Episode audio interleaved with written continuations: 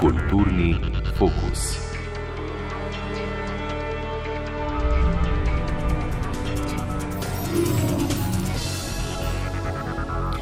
Dober večer, želim dr. Blaž Urnik, Alenka Gregorič, Jrnej Šipoš in Angelo Anja Žigon. Kako vidite vse notranje preobrazbe z različnimi vsebinami, proizvodnjo te opazno pomembne hiše, številnimi okni, potem njeno zaznamovano z elementi ognja in vode, deprivilegiranih skupin ljudi, vojakov, tudi obsojencev, njeno torej zelo razgibano zgodovino od industrijskega objekta do mizerije, ki jo spremlja, do pomena v literarno-zgodovinskem kontekstu in naposled tudi lahko govorimo o kratki zgodovini anarhizma v novejšem obdobju. Pa morda za začetek dr. Blaž Vurnik in Alenka Gregorič. Ja, čez sedem let bo ta zgradba stara 200 let. Tako da, tako kot uh, vsaka hiša čuva svoje skrivnosti ne, in jih uh, občasno izdaja, ta cukrarna jih ima pa še posebej veliko. To je bila kar nekaj desetletij praktično največja zgradba v mestu in potem, ko je izgubila svojo primarno vlogo, so se v njej naselile res mnoge zgodbe, ne, od vojaške, industrijske, obrtne, raznih socialnih vsebin, družbeni rob. Skratka, zgodbe, ki so se pisale v tej zgradbi, eh, so tako številne, da jih pravzaprav nikoli ne bomo vseh poznali. Pa vendarle, če morda malce opišete okoliščine industrializacije, potem investicijske zmožnosti tega prostora v danem trenutku, potem priseljevanje v mesto, kar pripelje do ustanovitve rafinerije sladkorja, ki pa seveda ni prva, ta na Poljanskem nasipu ni prva v Ljubljani. Ne, ni prva, je pa tista, ki je nekoliko dlje preživela. Ne? Zdaj, v začetku 19. stoletja ta prostor seveda še ni industrializiran. Za ta prostor je značilna, vsaj za mesta, zelo obrtna in recimo še manufakturna eh, mentaliteta tudi. Ne. Zelo močnega kapitala je bilo tukaj malo. Predvsem se je nek gospodarski razvoj tukaj razvijal uh, s pomočjo kapitala, ki je prišel od drugot, večinoma iz drugih krajev monarhije, pa tudi iz drugih delov Evrope. Zelo veliko vlogo so imeli pa posamezniki, ki so uh, recimo imeli kapital in ki so bili toliko avanturistično nastrojeni ali pa usmerjeni, da so se lotevali nekih novih oblik uh, gospodarstva, novih oblik proizvodnje. Uh, zdaj, cukrarna je seveda nastala, torej prva cukrarna v Ljubljani je bila v Blatni vasi, kot se je takrat rekel temu delu Eh, mesta, kjer danes stoji Kolodvorska, pravzaprav tudi mi smo zdaj na radiju v Blatni vasi, ne v tistem času. Eh, ta cukrarna je delovala kratek čas, ker je pogorela. No, eh, leta 28, torej istega leta, 1828, je nastala potem še ena cukrarna na, v Poljanskem predmestju, ob Ljubljanici, ki pa je potem zdržala recimo 30 letja v tej industrijski oziroma gospodarski panogi. Nenavadno je to, da sta kar dve cukrarni nastali praktično druga za drugo v Ljubljani, ampak to je razumljivo, če poznamo nekoliko obrtno zakonodajo tistega časa. Namreč v prostih lukah, v Trstu in v Reki so bile nekoliko nižje carine, no, takrat, torej v 20 letih, se je pa to začelo spreminjati in vsem rafinerijam sladkorja je bilo eh, omogočeno, da z enako nižjimi carinami eh, odpirajo proizvodno tudi v notranjosti dežel, ne, to se pravi ne samo v teh prostih lukah. Poleg tega je imela Ljubljana tukaj še nekaj prednosti, bila je izjemno dobro prometno povezana s Trstom, Eh, tudi zaradi Ljubljanice, pa potem Ljubljanske ceste naprej, ne, ki je povezovala sicer Panonsko nižino z severno Italijo. Eh, poleg tega je bil v Ljubljani carinski urad, kar je pomenilo, da so lahko to sladkorno moko, eh, izdelano iz sladkornega trsa, ki so jo vozili iz Latinske Amerike, ne, pač carinili tukaj, ne, kjer se je tudi dogajala potem nadaljna proizvodna, torej pač velik strošek odpadov. No, morda več o drugačni vrsti proizvodnje, o investicijah in potem malo hitrejšem razvoju cukrarne. Na začetku je bilo nekaj več kot 20 delavcev, potem se to število v kratkem času, se mi zdi, podvoji. Pozneje, torej, pozvala sem vas, Alenka Gregorič, kako se vam zdi, da je cukrarna ustvarjala različne podobe življenja in kako je bila ustvarjena v tem času, kakšen je bil odnos do nje, recimo v preteklosti? Ja, mm, odvisno seveda od starosti tistega, ko v cukrarni razmišlja, bi jaz rekla. Uh, jaz pripadam tisti generaciji, ki je videla predvsem uh, cukrarno v zelo slabem stanju, cukrarno, kot radi rečemo, na robu družbe, oziroma ljudje, ki so se zbirali domovali celo ali kakorkoli drugače delovali, so bili tako imenovani pripadniki zroba družbe. Um, vsekakor je bila to impozantna hiša, ki smo nekako se nadejali, da nekoč dobi lepšo zgodbo ali pa lepšo prihodnost. Uh, nekako dolgo se ni vedelo, kaj se z njo dogaja. Ko sem bila seznanjena s tem, da Muzej in galerija mesta Ljubljane nekako so ustvarja novo podobo in novo prihodnost tega prostora, se mi to zdelo uh, strašno zanimivo in v bistvu pomembno za našo hišo, ker se kakor mi za čemer še vedno stojim. Nisem uh, si mogla predstavljati, kakšne dimenzije dejansko so znotraj same hiše. Od ozune nekako razumemo vsa ta že prej omenjena okna, uh, ki jih je res eno veliko število, vem, da se jih prešteva, pa nikakor ne pridemo do končne številke, ne zgradbeniki, ne investitorji. Ne 350 več ali manj. Tam nekje, ne? Tam nekje. Mislim, da en dan bomo res naredili prav delavnico štetja okn. Um, skratka, potem se pa zgodi nekaj čist novega, ko človek stopi noter. Predvsem me veseli to, da nekako hiša res seva eno vedrino in optimizem.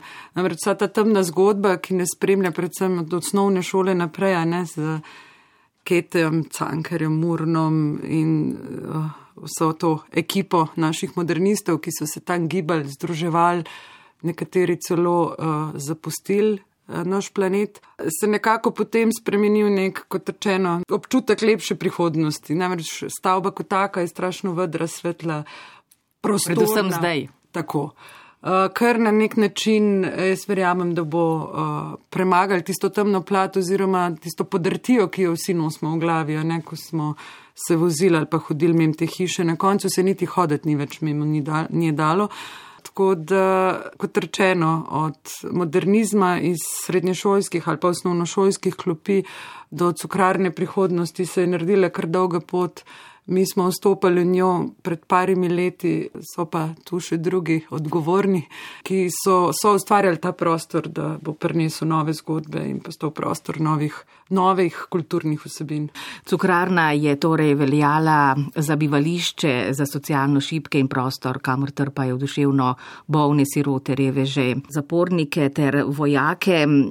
Bila je bivališče predstavnikov slovenske moderne, vendar le kaj od tega tega denimo je ostalo v zgodovinskem kolektivnem spominu, kaj smo v njem utopili in kakšne prezidave, prilagoditve in dodajanja lahko zdaj omenite, recimo, ko je nova preoblečena, renovirana, reinterpretirana, torej obnovljena cukrarna, tako rekoč že v dokončani novi lepi podobi. Jrnej Šipoš, nam lahko več poveste o beleženju spomina te hiše v arhitekturnem smislu in tudi brisanju po glavi, ki so prizadela, ranila njen skelet.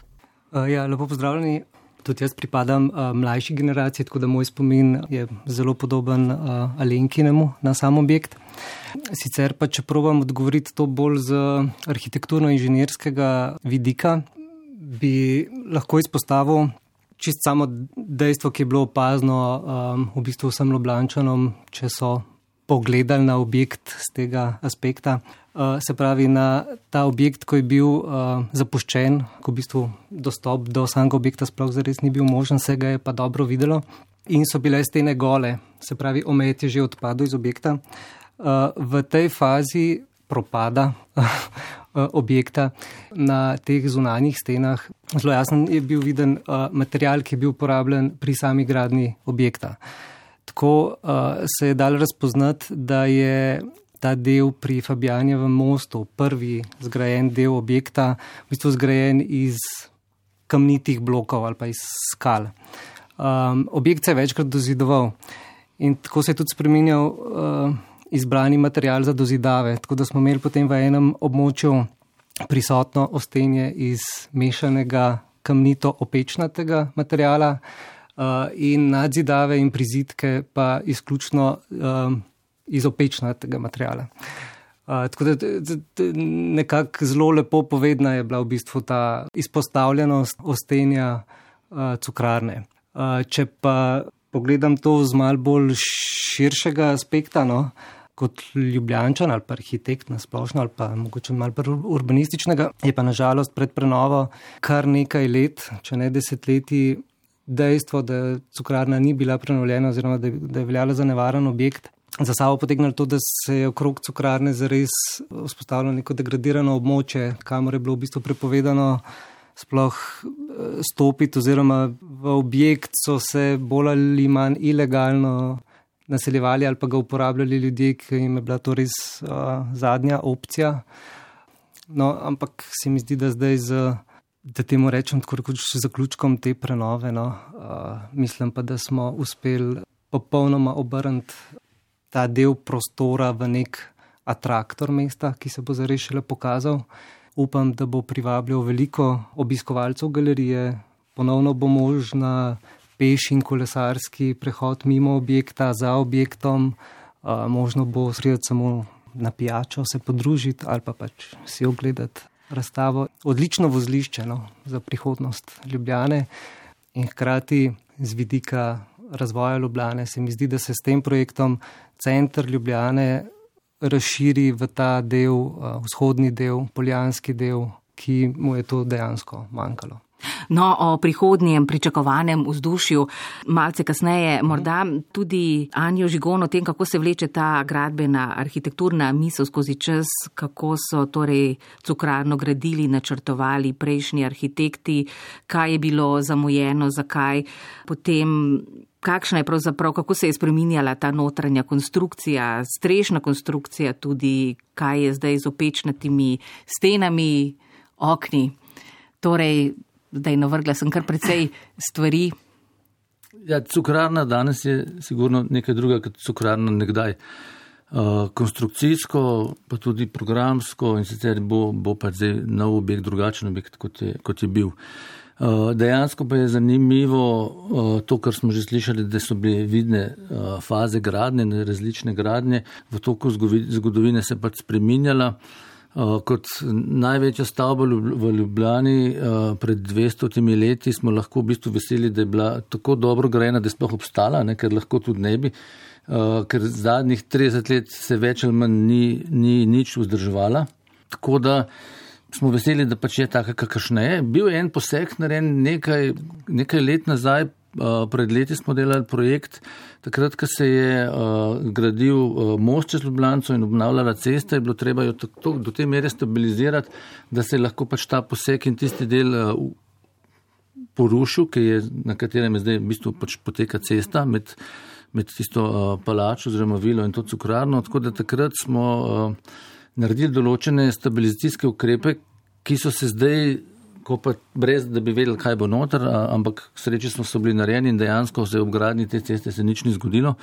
Tako da, da se je zdaj ob teh posegih, je bilo prej treba seveda odstraniti tiste tedanje posege, ki so bili napravljeni, ne vem, 6, 7, 8 let nazaj, se niti ne spomnim več koliko časa, ampak na to se je pa lahko začel z, z samo sanacijo, kot rečeno, nov program, nova stavba, čisto druga konstrukcijska zasnova izvotljena stavba, kar je bilo pa iz vidika uh, konstrukcije v resnici dosti zahtevno. Ne? Je pa pomagalo to, da je bila kvalitetno uh, grajena. Zidovi pritličju so več kot 1,20 m debeli, grajeni delno uh, mešano kamnito opečni, uh, više gor, predvsem na, vzhodnem delu so pač uh, opečni in, in to nam je omogočalo dosti dobre pogoje za sanacijo, z injektiranjem v teh zidov in s tem smo lahko zelo dobro utrdili in, in stabilizirali cel objekt. Je pa ta zasnova uh, bila mogoče, kako se, kako se lotiti tega, je res uh, ključna in bistvena. Naprimer, izvedena je tudi nova klet, ki jo pač včasih ni bilo, kar je bilo iz vidika konstrukcije še kar uh, zahtevno.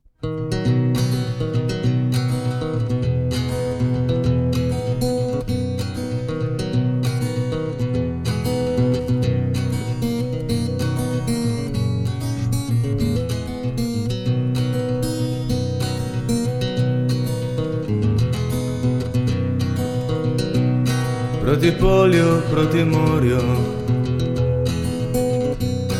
proti mirnemu vesolju. Smo hodili po obzorju, a ljudje so nas zjali, moj Bog, in se smejali.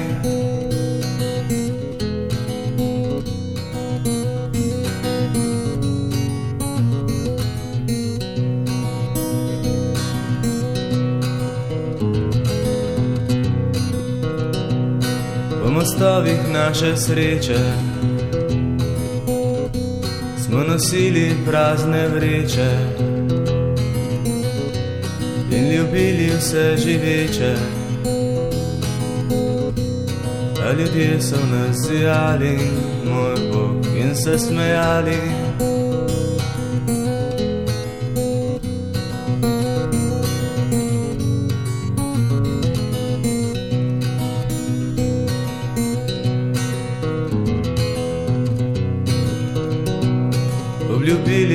Obljubili smo si ječa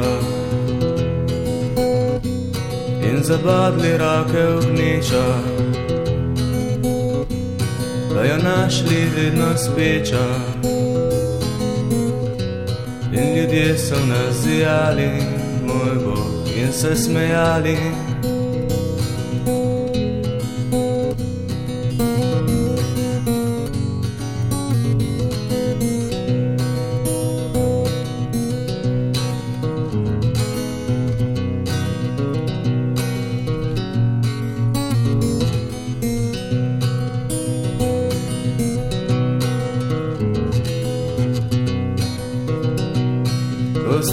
Smo spet sami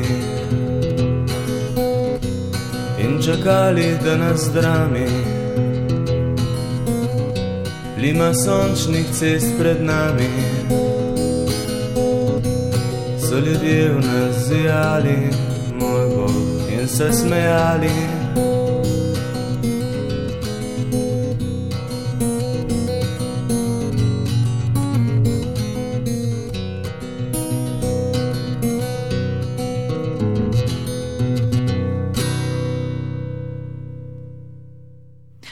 Je bila skladba Tomaža Pengova, ki se tudi naslanja na življenje v cukrarni, o kateri torej nocoj teče govor o daji kulturni fokus.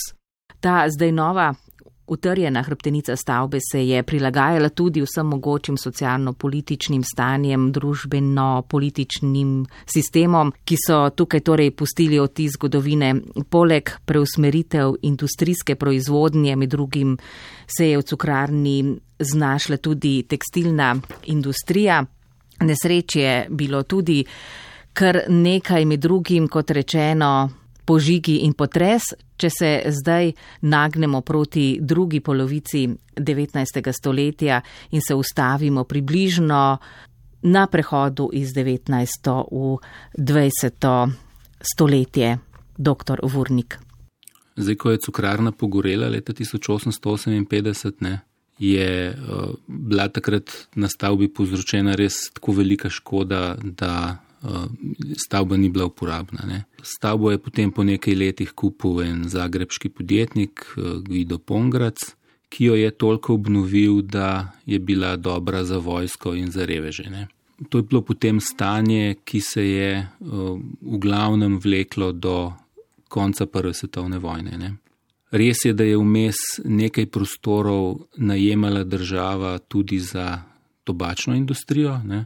To je zanimiva zgodba o tem, kako si je mesto Ljubljana prizadevalo vzpostaviti tukaj tobačno industrijo, eh, zato ker so vedeli, da eh, je to industrija, ki zaposluje veliko ljudi, ki zaposluje tudi veliko eh, obrtništva potem za neke povezane posle iz okolja in tako naprej. Tako da je, ko je finančna uprava na Dunaju dovolila vzpostavitev tega, so praktično v nekaj tednih leta 1871 tobačno proizvodno tukaj zagnali, najprej z 24 delavkami, ki so potem v nekaj mesecih, jih je bilo pa 1059. Ne? Skratka, ta proizvodnja je res hiter se zagnala.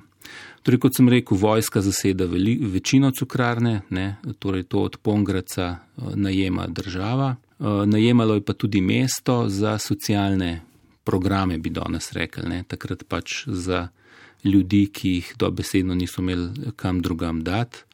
Tako da je nekaj časa v 70-ih letih 19. stoletja tam bilo nekaj prostorov namenjenih umobolnim, kot so takrat rekli. Ne. Eh, no, zelo velik dogodek za cukrarno je bil potres leta 1895, ki ga je cukrarna sicer eh, obnovljena, kolikor je bila prenesla eh, praktično brez nekih hujših poškodb, vendar pa je po tem potresu se zgodil velikanski naval, bi lahko rekli, ljudi, ki niso imeli strehe nad glavo, prav tja. Ne. Neposredno po potresu je Ljubljanski občinski svet razpravljal o tem, ali bi Pongračevo vdovo prosil, da bi dovolila naselitev teh potresencev, ne? Uh, ampak se nekateri niso strinjali s tem, tudi kasnejši uh, župan Ljubljana Ivan Hribar je bil proti temu, uh, rekoč se je v cukrarno nihče ne bo hotel jati, ker je tam tako slabo stanje. Ne? No, kljub temu je eh, v mestu toliko ljudi, teh najnižjih slojev, tega industrijskega delavstva in drugih revežev, če tako rečem, ustali brez strehe nad glavo, da so potem, ko je prihajala zima leta 95, množično dobesedno drli v to cukrarno. Tam so potem živeli v teh velikih dvoranah, pomešane med sabo družine, različni tipi ljudi, stari, mladi, skratka en tak uh, mali svet uh, družbene margine se je tam ustvaril in življenje je bilo težko in neprijetno za te ljudi. Ne. No, takrat po potresu je v cukrarno prišla tudi Polona Kalan, sicer ona kot najemnica, uh, mislim, da je najela dve sobi in ona je oddajala posteljo tudi sprva Keteju, potem pa Murnu, skratka oba umreta pri njej, prvi leta 1899, drugi 1901. No, in takrat so seveda tam nastale tudi določene literarne dela stanovalcev, ki jih poznamo kot ja. predstavnike moderne, do Župančiča, Cankarja, seveda, in preko ste omenili Murna in o, tam, so se, tam so se zbirali te predstavniki moderne in uh, prav, praktično vsi, no, če tako rečem, so zapustili v svojih literarnih delih vtise tudi o tej cukrarni, ne? balada o Damjanu, pa recimo Cankarjeva Nina, popotovanje Nikolaja Nikiča, življenje in smrt Petra Navlana od Ivana Cankarja. Ne? To so zgodbe, kjer se cukrarno prikazuje kot en tak prostor, obupa, smrti, bolezni, temačnosti. Ne? Skratka, dobesedno krcedi se v teh zlasti cankarjevih vtisih, neka vlaga po tistih stenah, megla, ki blodi po hudnikih in stopniščih cukrarne. Ne? Tako da, če cukrarne ne bi bilo, bi si jo cankar mogel zmisliti ne, kot prostor nekih teh svojih zgodb. Hkrati pa seveda je s cukrarno oziroma zavestjo o lastni pripadnosti, nacionalni identiteti rastel tudi nacionalni interes in ljudje so začeli negotovati v zvezi z nemškim lastništvom, ko se je denimo cukrarno naselila tekstilna industrija. Ja, to je ena taka epizoda, ki nam precej pove o mentaliteti tega prostora neposredno po prvi svetovni vojni. Leta 1922 je res ta tekstilna tovarna Josip Kunc in Ko ne, postala lastnica, nova lastnica cukrarne. In bilo je po Ljubljani takrat kar nekaj negodovanja ne, v zvezi s tem, zdaj bodo pa Nemci tukaj lastniki, spet bodo izkoriščali slovence, slovensko delo in tako naprej. Čeprav so bili te kunci po rodu iz Ljubljane, ampak pač ljubljanski Nemci. Ne.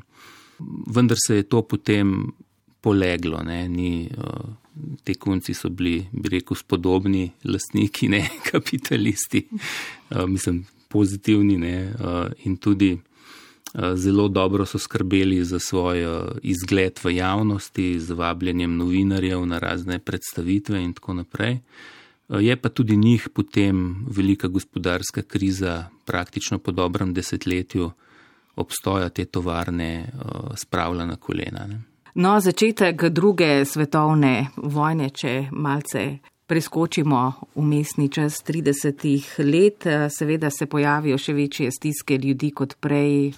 Tudi več beguncev je v Ljubljani, ki jih nastanijo in denimo medtem preorjejo pod fašistično oblastjo mestne parke, kar zagotavlja nekaj več hrane za javno kuhinjo v cukrarni. No in če smo zdaj že pri okolici, že prej sicer omenjeni, na Ambroževem trgu, tam je denimo uh, nekdani sejemski trg. Kako nekako vstopa ta nekdani ambient, se pravi v ta čas, kako so bile upoštevane delno realizirane in denimo zamišljene plečnikove zamisli, v bližini so tudi plečnikove zapornice, kako se torej sodobna prenova vklaplja v prejšnje podobe kompozicije parka in pa parkirnih prostorov. Um, se pravi, če se čist na hitro navežem na prejšnji komentar Blaža. Ambrožo trg je danes rahlo dvignjen park, menda nastal ravno zaradi potresa v Ljubljani, kamor so nagrmadili ostanke ruševin objektov, predvidene z okolice. To je taka zanimivost, arhitekturno-urbanistična, recimo temu, zakaj je ta park dvignen. Kot ste omenili, v neposrednji bližini cukrarne je stoji pač eminenten plečnikov objekt zapornice, ki seveda služi še danes niveliranju Ljubljanice, je velikega estetskega, pa predvsem funkcionalnega pomena do danes ostal. Ambrožev trg je bil seveda, oziroma še danes, nekako predprostor palače cukrarne, ki se je do, mislim, da do leta 2014, ko je bil zgrajen uh, Fabijanijev most, držala cukrarne.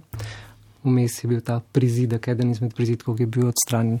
Skratka, je predstavljal pač krasen hoden uh, del, uh, kjer mislim, da so imeli tudi uh, vojaki svoje uh, postroje, pač davno nazaj. Meksikajnari in drugi. Tako, pa na drugi strani Ljubljanice tudi. No? Ampak pri uh, prenovi cukrarne, se pravi tega glavnega objekta cukrarne, ne palače cukrarna, uh, smo pa seveda upoštevali smernice Zavoda za varstvo kulturne dediščine, gre namreč za varovan objekt industrijske uh, dediščine, ki je edinstven.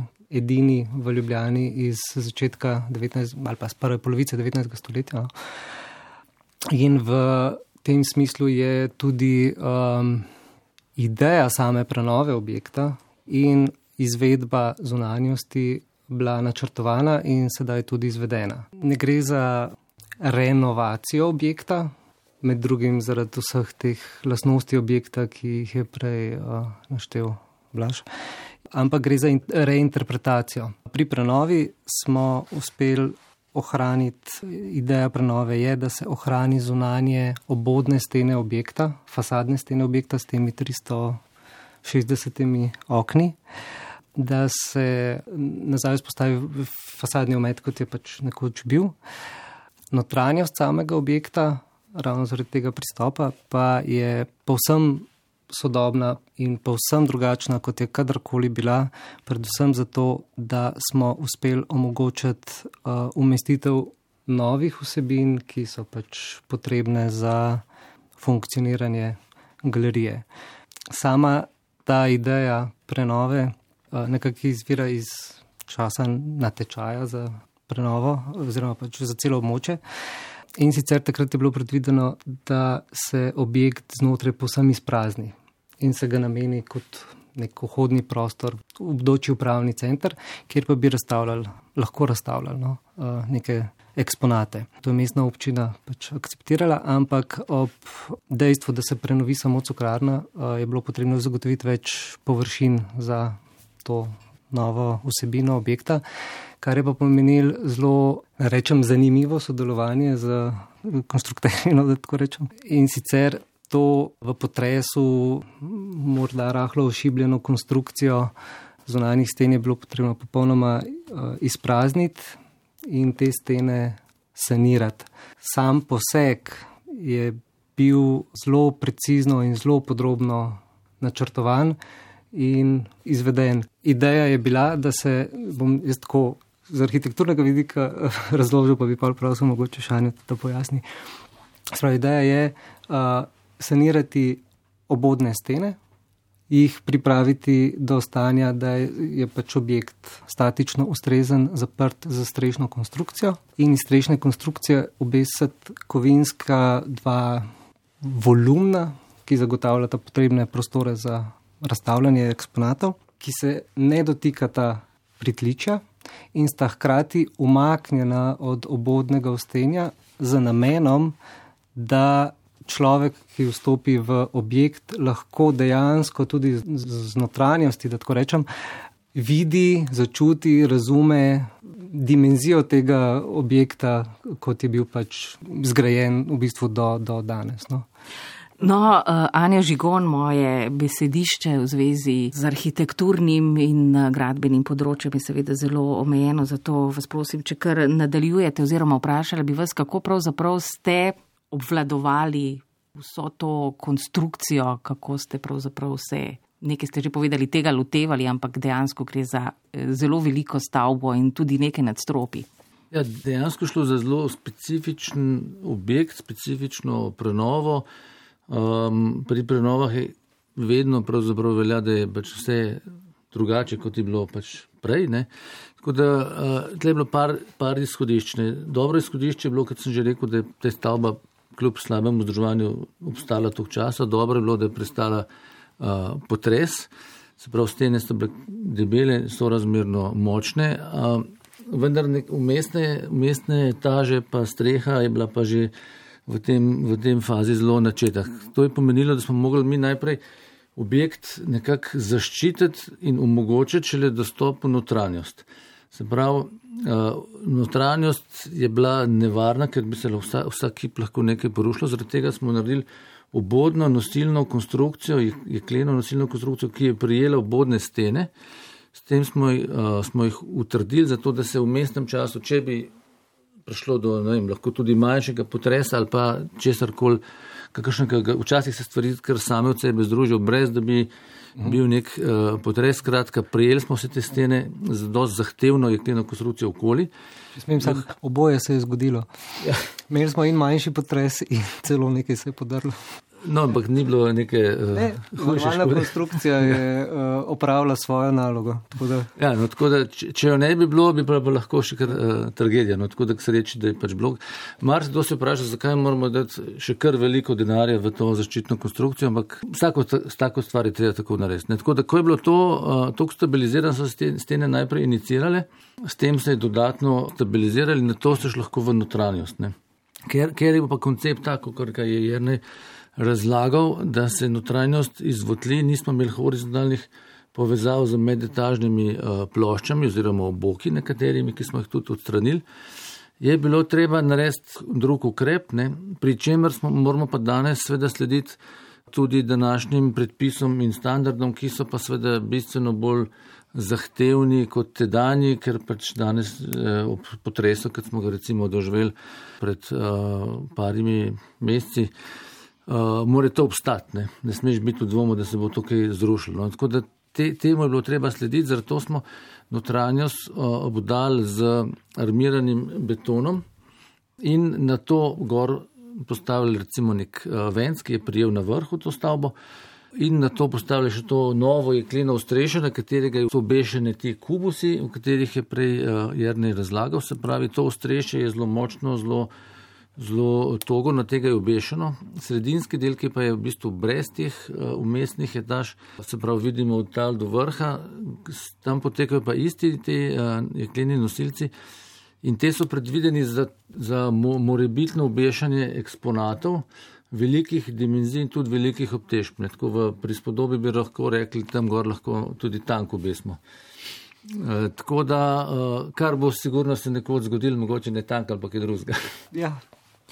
Torej, o tej zaznamovani hiši v mentalnih predstavah in slikah e, mestnega prebivalstva smo že nekaj govorili. Po drugi svetovni vojni je tam federalni zbirni center, pa tudi temen prostor povojnih travm, potem razdrtih družin. Torej, to je hiša, ki si je nihče ni želel imeti za dom, ljudje jo veliko krat eh, sovražijo, potem eh, pred to obnovo je bilo veliko krat eh, rečeno, da bi se tja naselila trgovska dejavnost in pa mm, malo da ne je bila ta stavba že v načrtih za rušenje, pa me zdaj le uh, zanima, katere zgodbe iz cukrarne se vam zdijo ali pričevanja najbolj zanimive, najbolj povedne z najrazličnejših stališč. Morda ste našli tam pred obnovo tudi različne predmete, še ki so jih ljudje tam.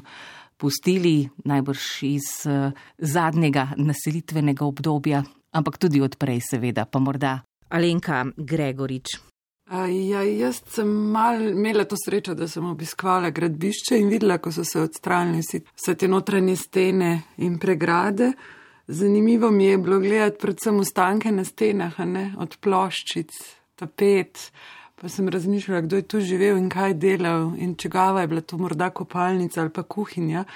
Tako da vsekakor. Uh, so bile stene same po sebi že dovolj zgovorne, nisem stopala v objekt pred prednovo, tako da um, ne vem točno, razen po fotografijah, kaj se v prostoru nahaja. Smo pa nekako že v času prvega snovanja in razmisleka o tem, kaj naj bi bodoča cekrarna bila, tudi skupaj z Blažom, razmišljali, uh, brskali po materialih in spraševali uh, ljudi, če, eh, kdo so pričevalci, se pravi, če so med nami še ljudje, ki so morda tam živeli, delovali tako ali drugače. Nekaj zgodb smo zbrali, eh, verjamem, da je to nezaključen proces, ki bo trajal. Eh, nadejam se, da bodo ljudje tudi sami pristopali. Ena se mi je zdela simpatična od babice enega od umetnikov, ki mu je pravila, ko je živela v tej tako imenovani današnji palači, cukrarna, da ni želela sploh iti na drugo stran, ker tam so se dogajale pa grde reči, povezane z ženskim telesom. Uh, skratka, želela sem nekako priti v stik z gospod in narediti nek pogovor, pa ne želi govoriti o teh stvareh, boj da več. Uh, skratka, jaz verjamem, da je teh zgodb en kup, uh, mi kot rečeno še nismo zbrali, nadejam se, da bo nekdo to zbral, objavil v kakršni koli obliki. Seveda obstajajo tudi neki dokumentarni zapisi. Ravno, dokumentarni film tudi. Tako, ki ga je predvajala slovenska kinoteka pred parimi dnevi, vem, da v njihovem programu. Uh, se pravi, film iz 72. mislim, da je. Skratka, nekaj obstaja, ampak v osnovi so to neki fragmenti. Uh, fragmentih zgodb, zapisov od literatov, kot je omenil že prej Blaž, do doku kratkih dokumentarnih filmov, predvsem pa teh zgodb. Pričevalcev je en kup. Uh, kot rečeno, jaz sem bolj kot ne vstopila v ta objekt, ko so ostale samo še ploščice, pa kako tkanine sem še videla. Tako da v osnovi sem morala zelo močno uporabiti svojo domišljijo, da bi si lahko razkrila kaj več. Verjamem pa, da na jarni ste vi vstopali v ta prostor, oziroma vem, da ste celo prej vstopali in marsi, na marsikaj tam naletel. Ja, lahko povem to, da v objekt je bilo dejansko prepovedano vstopati. Celo izvajalec, ko je pričel z gradbenimi deli, ni smel kar vstopati v objekt. Ampak je bilo potrebno zaradi res te zadnje etape naselitve v cukrarni, potrebno poklicati najprej sanitetno službo, ki je opravila neko nujno čiščenje, predvsem v pritličju. No. Um, šele na to pa so lahko pač dejansko pričeli z v bistvu vzpostavljanjem varovanja in rošitvami uh, v objektu. Lahko pa povem izkušnjo iz, uh, tudi iz leta 2014, ko smo imeli razstavo o ideji za cukrarno v mestni uh, galeriji Kresija. Tam je bila ob razstavi na voljo neka, kako bi rekel, knjiga vtisov.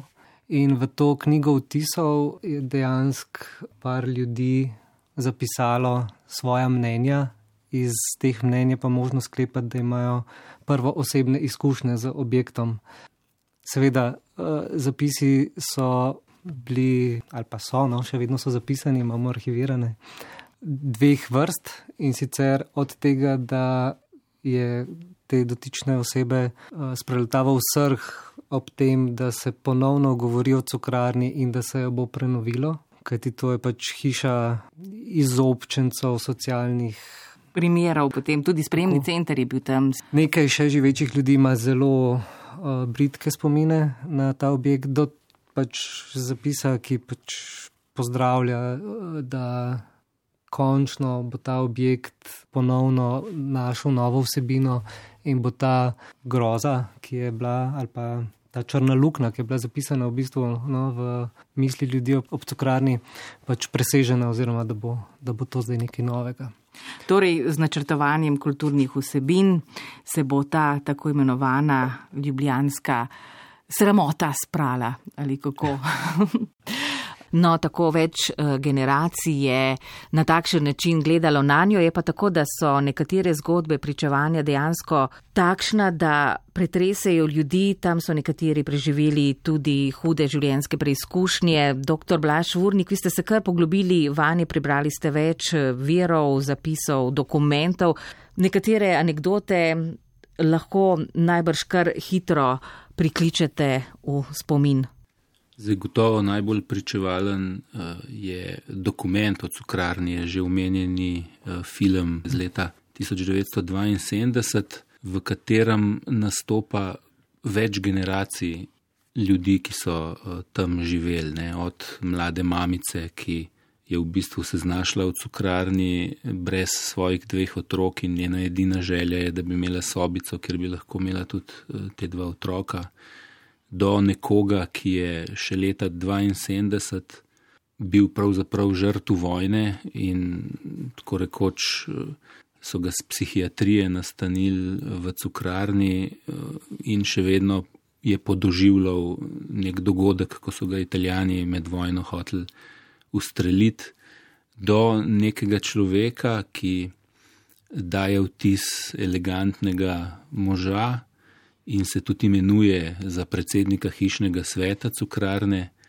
in govori o, o prostituciji, o slabih razmerah v cukrarni.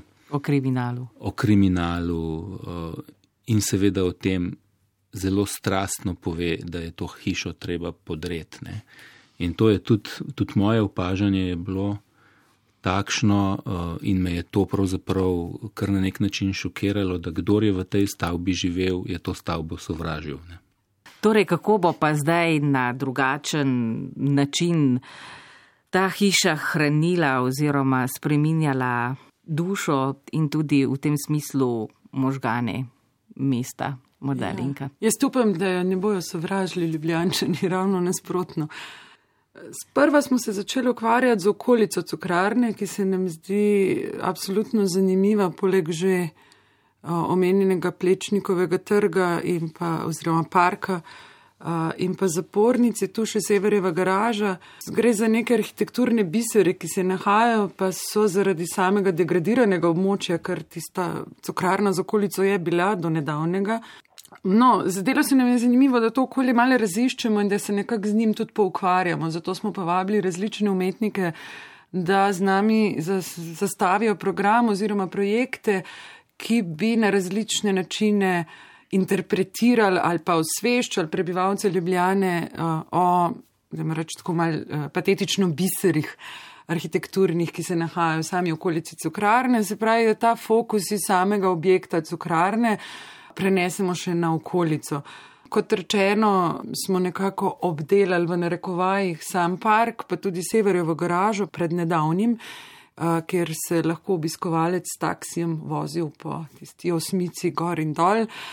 Potem pa seveda je to neke vrste napove tistega, kar ne bi se zgodilo v cukrarni.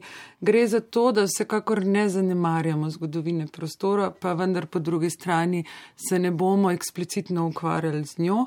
Temačne zgodbe bomo spreminjali, jaz upam, da v bolj svetle, to nakazuje tudi naša vizualna podoba, ki je zelo brvita in s tem nekje sporoča tudi usmerjenost cukrarno, cukrarne oziroma njenega programa cukrarna, ki bo sledila trendom sodobne umetnosti v mednarodnem prostoru, kar pomeni eh, ne samo, da prikazujemo dela različnih mednarodno veljavljenih in dejavnih umetnikov, ampak z njimi tudi sodelujemo.